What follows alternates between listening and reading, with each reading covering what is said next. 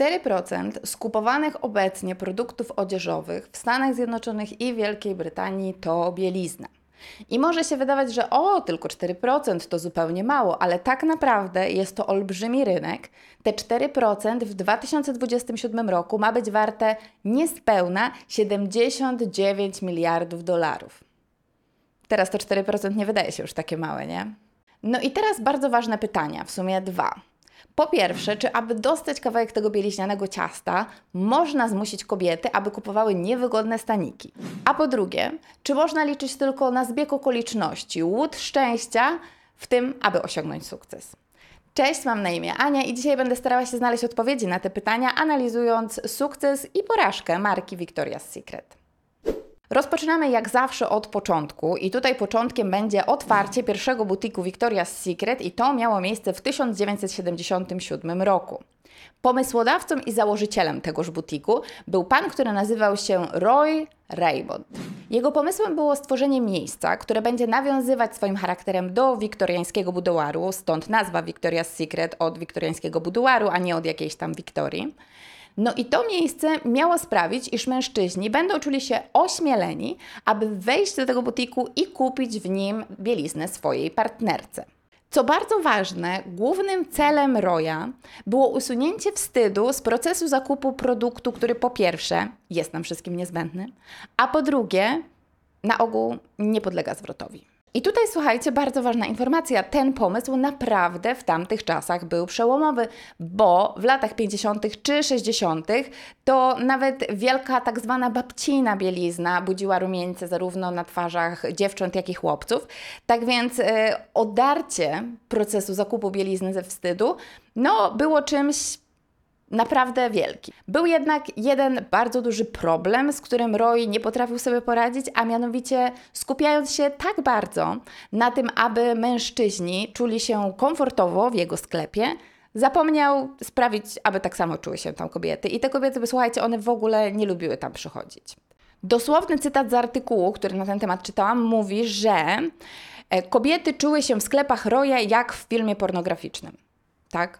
Czyli nic dobrego, nic dobrego. No, można by powiedzieć wręcz, że był to taki przysłowiowy biznesowy strzał w kolano, który Roy sam sobie zrobił, ponieważ niejako zniechęcił głównego nabywcę do wchodzenia do swojego sklepu. No i wtedy, kiedy myślano, że już nic nie da się zrobić, że ten po prostu przełomowy pomysł musi spalić na panewce, na arenę wkracza Leslie Waxner. Leslie to inwestor, który już w tamtym czasie miał bardzo pomyślnie rozwijającą się firmę Limited. I jako, że miał olbrzymie doświadczenie, to oczywistym w miarę jest fakt, iż wiedział, co zrobić z problemem Roya, jak go rozwiązać i jak sprawić, aby kobiety jednak chciały w Victoria's Secret kupować. Ponieważ Leslie przede wszystkim dostrzegł potencjał tego mega przełomowego pomysłu. No i w związku z tym zaproponował Royowi kasę, zaproponował mu milion dolarów, Kupił Victoria's Secret? No i na tym kończy się udział Roya w historii rozwoju Victoria's Secret. Swoją drogą historia Roya jest bardzo smutna, bo Roy próbował otworzyć jeszcze kolejną markę później, ale niestety ta marka również e, poniosła klęskę, ponieważ Roy niestety no, nie miał do końca aż takiego drygu do prowadzenia butików, jak mogłoby się wydawać. W międzyczasie rozwiódł się ze swoją żoną i generalnie poczuł się, jakby jego życie się rozpadało i niestety zupełnie strasznym jest to, iż popełnił samobójstwo. Yikes. No, wracajmy jednak do Wexnera. Jego pomysł na Victoria's Secret był w miarę prosty i polegał na tym, aby sprzedać Amerykanom świat inspirowany Brytyjczykami. I powiem Wam szczerze, że kiedy teraz robiąc research do tego wideo przeczytałam właśnie, że taki był pomysł, to byłam trochę zdziwiona, bo dla mnie sklepy Victoria's Secret w żaden sposób nie kojarzą się z Wielką Brytanią. No ale niezależnie od tego, co ja sobie myślę, to słuchajcie, jego plan zadziałał. Ludzie pokochali te piękne, różowo, kolorowo, jakieś tam cukierkowe butiki i zaczęli kupować, zaczęli przychodzić. Swoją drogą kobiety kupowały dużo i przyprowadzały tam swoich partnerów i kiedy one przymierzały te fikuśne staniki, fikuśne majtki, to ich partnerzy mogli sobie w butiku Victoria's Secret usiąść na kanapie, przeglądać katalog, no i e, jakby też mieć dobry czas, bo te katalogi były bardzo piękne, niczym magazyny modowe. I teraz bardzo ważna informacja. Słuchajcie, według Trending Up do 1995 roku Victoria's Secret stała się firmą o wartości 1,9 miliarda dolarów i mieli 370 sklepów.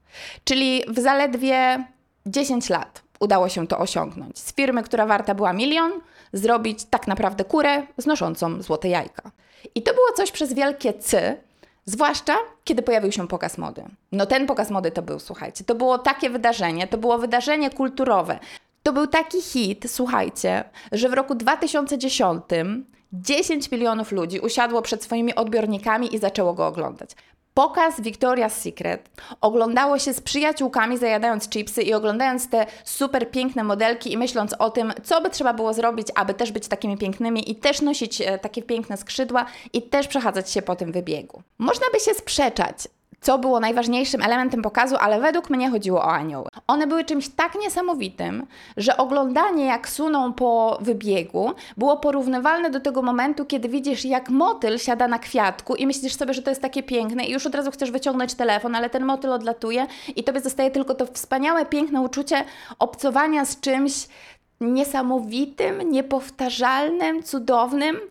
I jeśli myślicie, że to właśnie brzmi nierealnie, to bardzo dobrze myślicie, bo to nie jest realne, aby tak wyglądać. To nie są ciała normalnych kobiet, to nie jest to, co widzimy codziennie na ulicach. Nie, to właśnie te anioły, ich zamysł był taki, aby były właśnie czymś takim nieuchwytnym, aby były właśnie czymś takim nierealnym, czymś, o czym się marzy, ale czego nie można dotknąć, jak tego motyla na kwiatku za kulisami marka posuwała się tak daleko w wymaganiach, które stawiano modelkom, że aż zabraniano im posiadania piegów czy pieprzyków. Bo mam tutaj taki cytat, który powiedziała pani Cindy e, Fidus Fields i ona była dyrektor generalną marki e, właśnie Victoria's Secret i wybieranie aniołków opisała ona w ten sposób.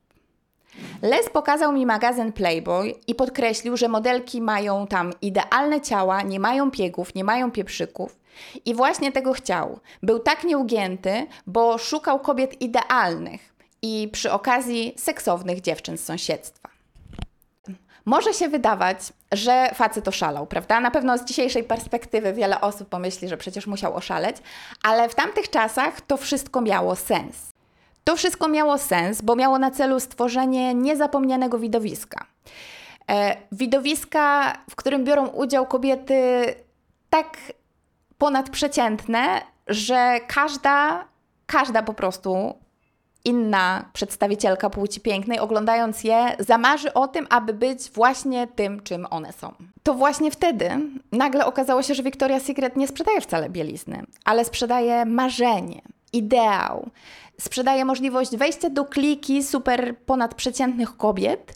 Po obejrzeniu takiego pokazu kobieta miała chcieć założyć na siebie poliestrowe, niewygodne staniki i majtki, bo miała świadomość, że wtedy, kiedy będzie w to ubrana, jej życie będzie lepsze. Jeśli wydaje Wam się to przełomowe, to muszę Was zasmucić, nie jest.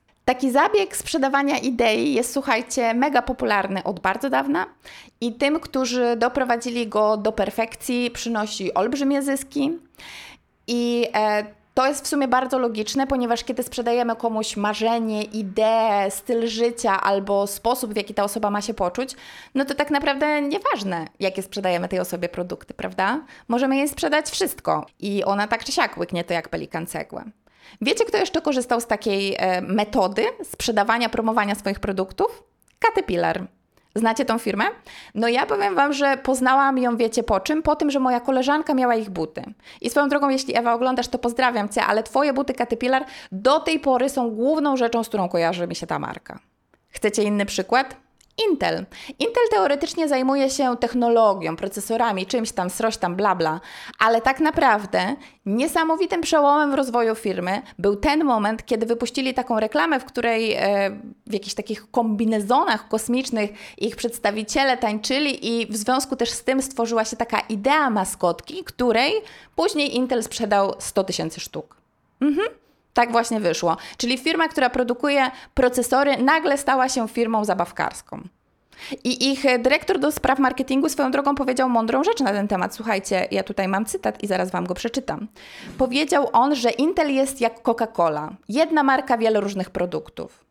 Mhm. No i tak właśnie jak ta reklama Intela, czy te buty Caterpillara, yy, Victoria's Secret miała swoje aniołki. Aniołki były marzeniem kobiet, no i kobiety po prostu oszalały na ich punkcie.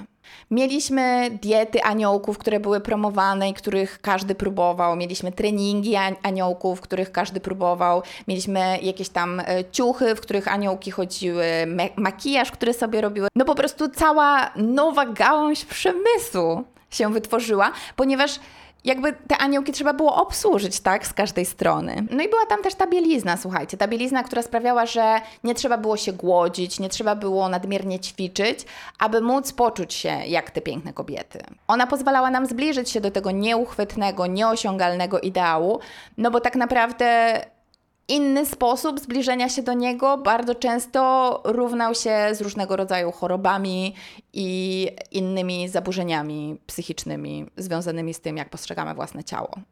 No i oczywiście ja tutaj trochę hiperbolizuję, tak? Bo nie ma co obwiniać tylko i wyłącznie Victoria's Secret o to, że te standardy piękna promowane w tamtym czasie były tak niezdrowe. Wizerunki wychudzonych Paris Hilton czy Nicole Richie, które w tamtych czasach również były na topie, z marką nie miały nic wspólnego, no ale nie oszukujmy się, było to bardzo korzystne dla obu stron, aby jedne i drugie hypowały się nawzajem. I fakt, że my tak długo pozwalaliśmy, aby media były zdominowane tymi dietami, które zakazują ci jeść na przykład pokarmów stałych, albo tymi ćwiczeniami, które mówią, że masz dwa razy dziennie ćwiczyć po trzy godziny, no to po prostu jest jakiś absurd. To jest po prostu idealne idealna recepta na stworzenie pokolenia, które nie będzie szanować i nie będzie lubić swojego ciała. To jest idealna recepta na różnego rodzaju zaburzenia psychiczne, na body dysmorfię i tak dalej. I w którymś momencie to się stało widoczne, słuchajcie, no bo po prostu nie da się, nie da się w nieskończoność wpędzać ludzi w różnego rodzaju choroby. No nie da się. Po prostu się nie da, nawet jeśli ma się najlepszy pomysł, najlepszą ideę, najlepsze marzenie, które chciałoby się ludziom wmówić, to jednak oni w końcu zaczynają widzieć wszystkie te problemy, które z tym marzeniem przychodzą. I taka pani, która nazywa się Hafez i ona jest e, doktorem, psychologiem, mówi, że to przeglądanie katalogów miało naprawdę olbrzymi negatywny wpływ, zwłaszcza na nastolatki, E, ponieważ też w tamtym czasie pojawiła się linia Pink, która właśnie tylko do nastolatek była skierowana. I e, tutaj dodaje ona, że kiedy kultura i społeczeństwo pokazuje nieosiągalny ideał, a przy okazji zmusza cię do chociażby próby stania się nim, to oczywistym jest, że będzie to recepta na różnego rodzaju zaburzenia. I tutaj mówiąc o tych problemach, jakie prowokowało to w społeczeństwie, też nie chcę przemilczyć tego, jak olbrzymie problemy prowokowało to w samej e, kulturze i sferze modelingu, ponieważ te diety, który, z których modelki korzystały, aby uzyskiwać te super wychudzone, nienaturalnie wyglądające ciała, operacje plastyczne i inne różnego rodzaju zabiegi, którym się poddawały niekoniecznie dlatego, że chciały, ale tylko i wyłącznie po to, aby móc utrzymać się na rynku, aby móc utrzymać pracę, także odcisnęły całkiem spore piętno e, na tym przemyśle i, i wydaje mi się, że do tej pory zbieramy nadal efekty tego, co się wtedy stało. Nawet aniołki miały trudności z osiągnięciem wizerunku Victoria's Secret, ponieważ istnieją udokumentowane doniesienia o ekstremalnych dietach, treningach, chirurgii plastycznej i przedłużaniu włosów w celu poprawienia charakterystycznych cech aniołków.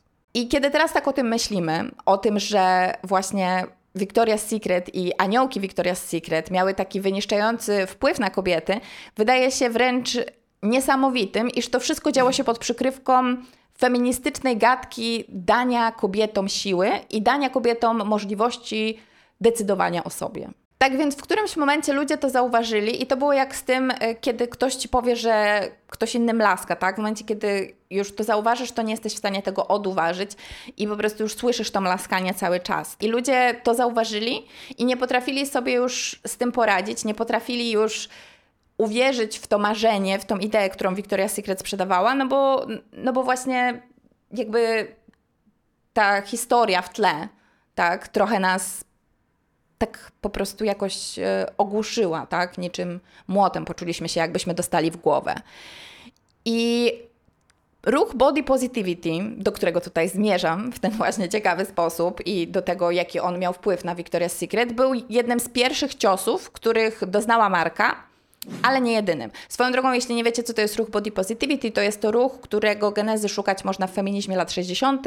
i powrócił on e, właśnie pomiędzy 2010 a 2012 e, rokiem, nawet nie ze względu na Victoria's Secret, ale ze względu na media społecznościowe, które w tamtym czasie po prostu już powoli zaczynały promować ten zupełnie niezdrowy ideał piękna, no i ruch body positivity wyszedł mu naprzeciw, tak aby powiedzieć kobietom, nie, nie musicie wyglądać jak te lalki z Instagrama, możecie wyglądać tak, jak wyglądacie i wszystko będzie z Wami ok. No więc... E, tak to właśnie było z tą Victoria's Secret, że ono jakoś tak by proxy e, zostało uderzone tym ruchem body positivity ze względu na to wszystko inne, co działo się na świecie, ale to nie było wszystko, słuchajcie. Potem przyszło MeToo.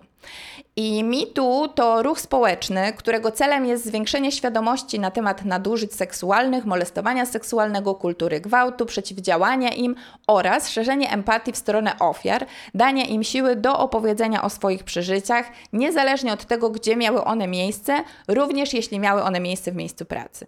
I słuchajcie, dla Victoria's Secret MeToo to był taki moment, kiedy z dnia na dzień pan Wexner, o którym może pamiętacie, to jest właściciel tej firmy, z jednego dnia na drugi obudził się i nagle okazało się, że wszyscy zadają mu pytania: e, Przepraszamy, a dlaczego ty się od 87 roku kolegujesz z Jeffreyem Epsteinem?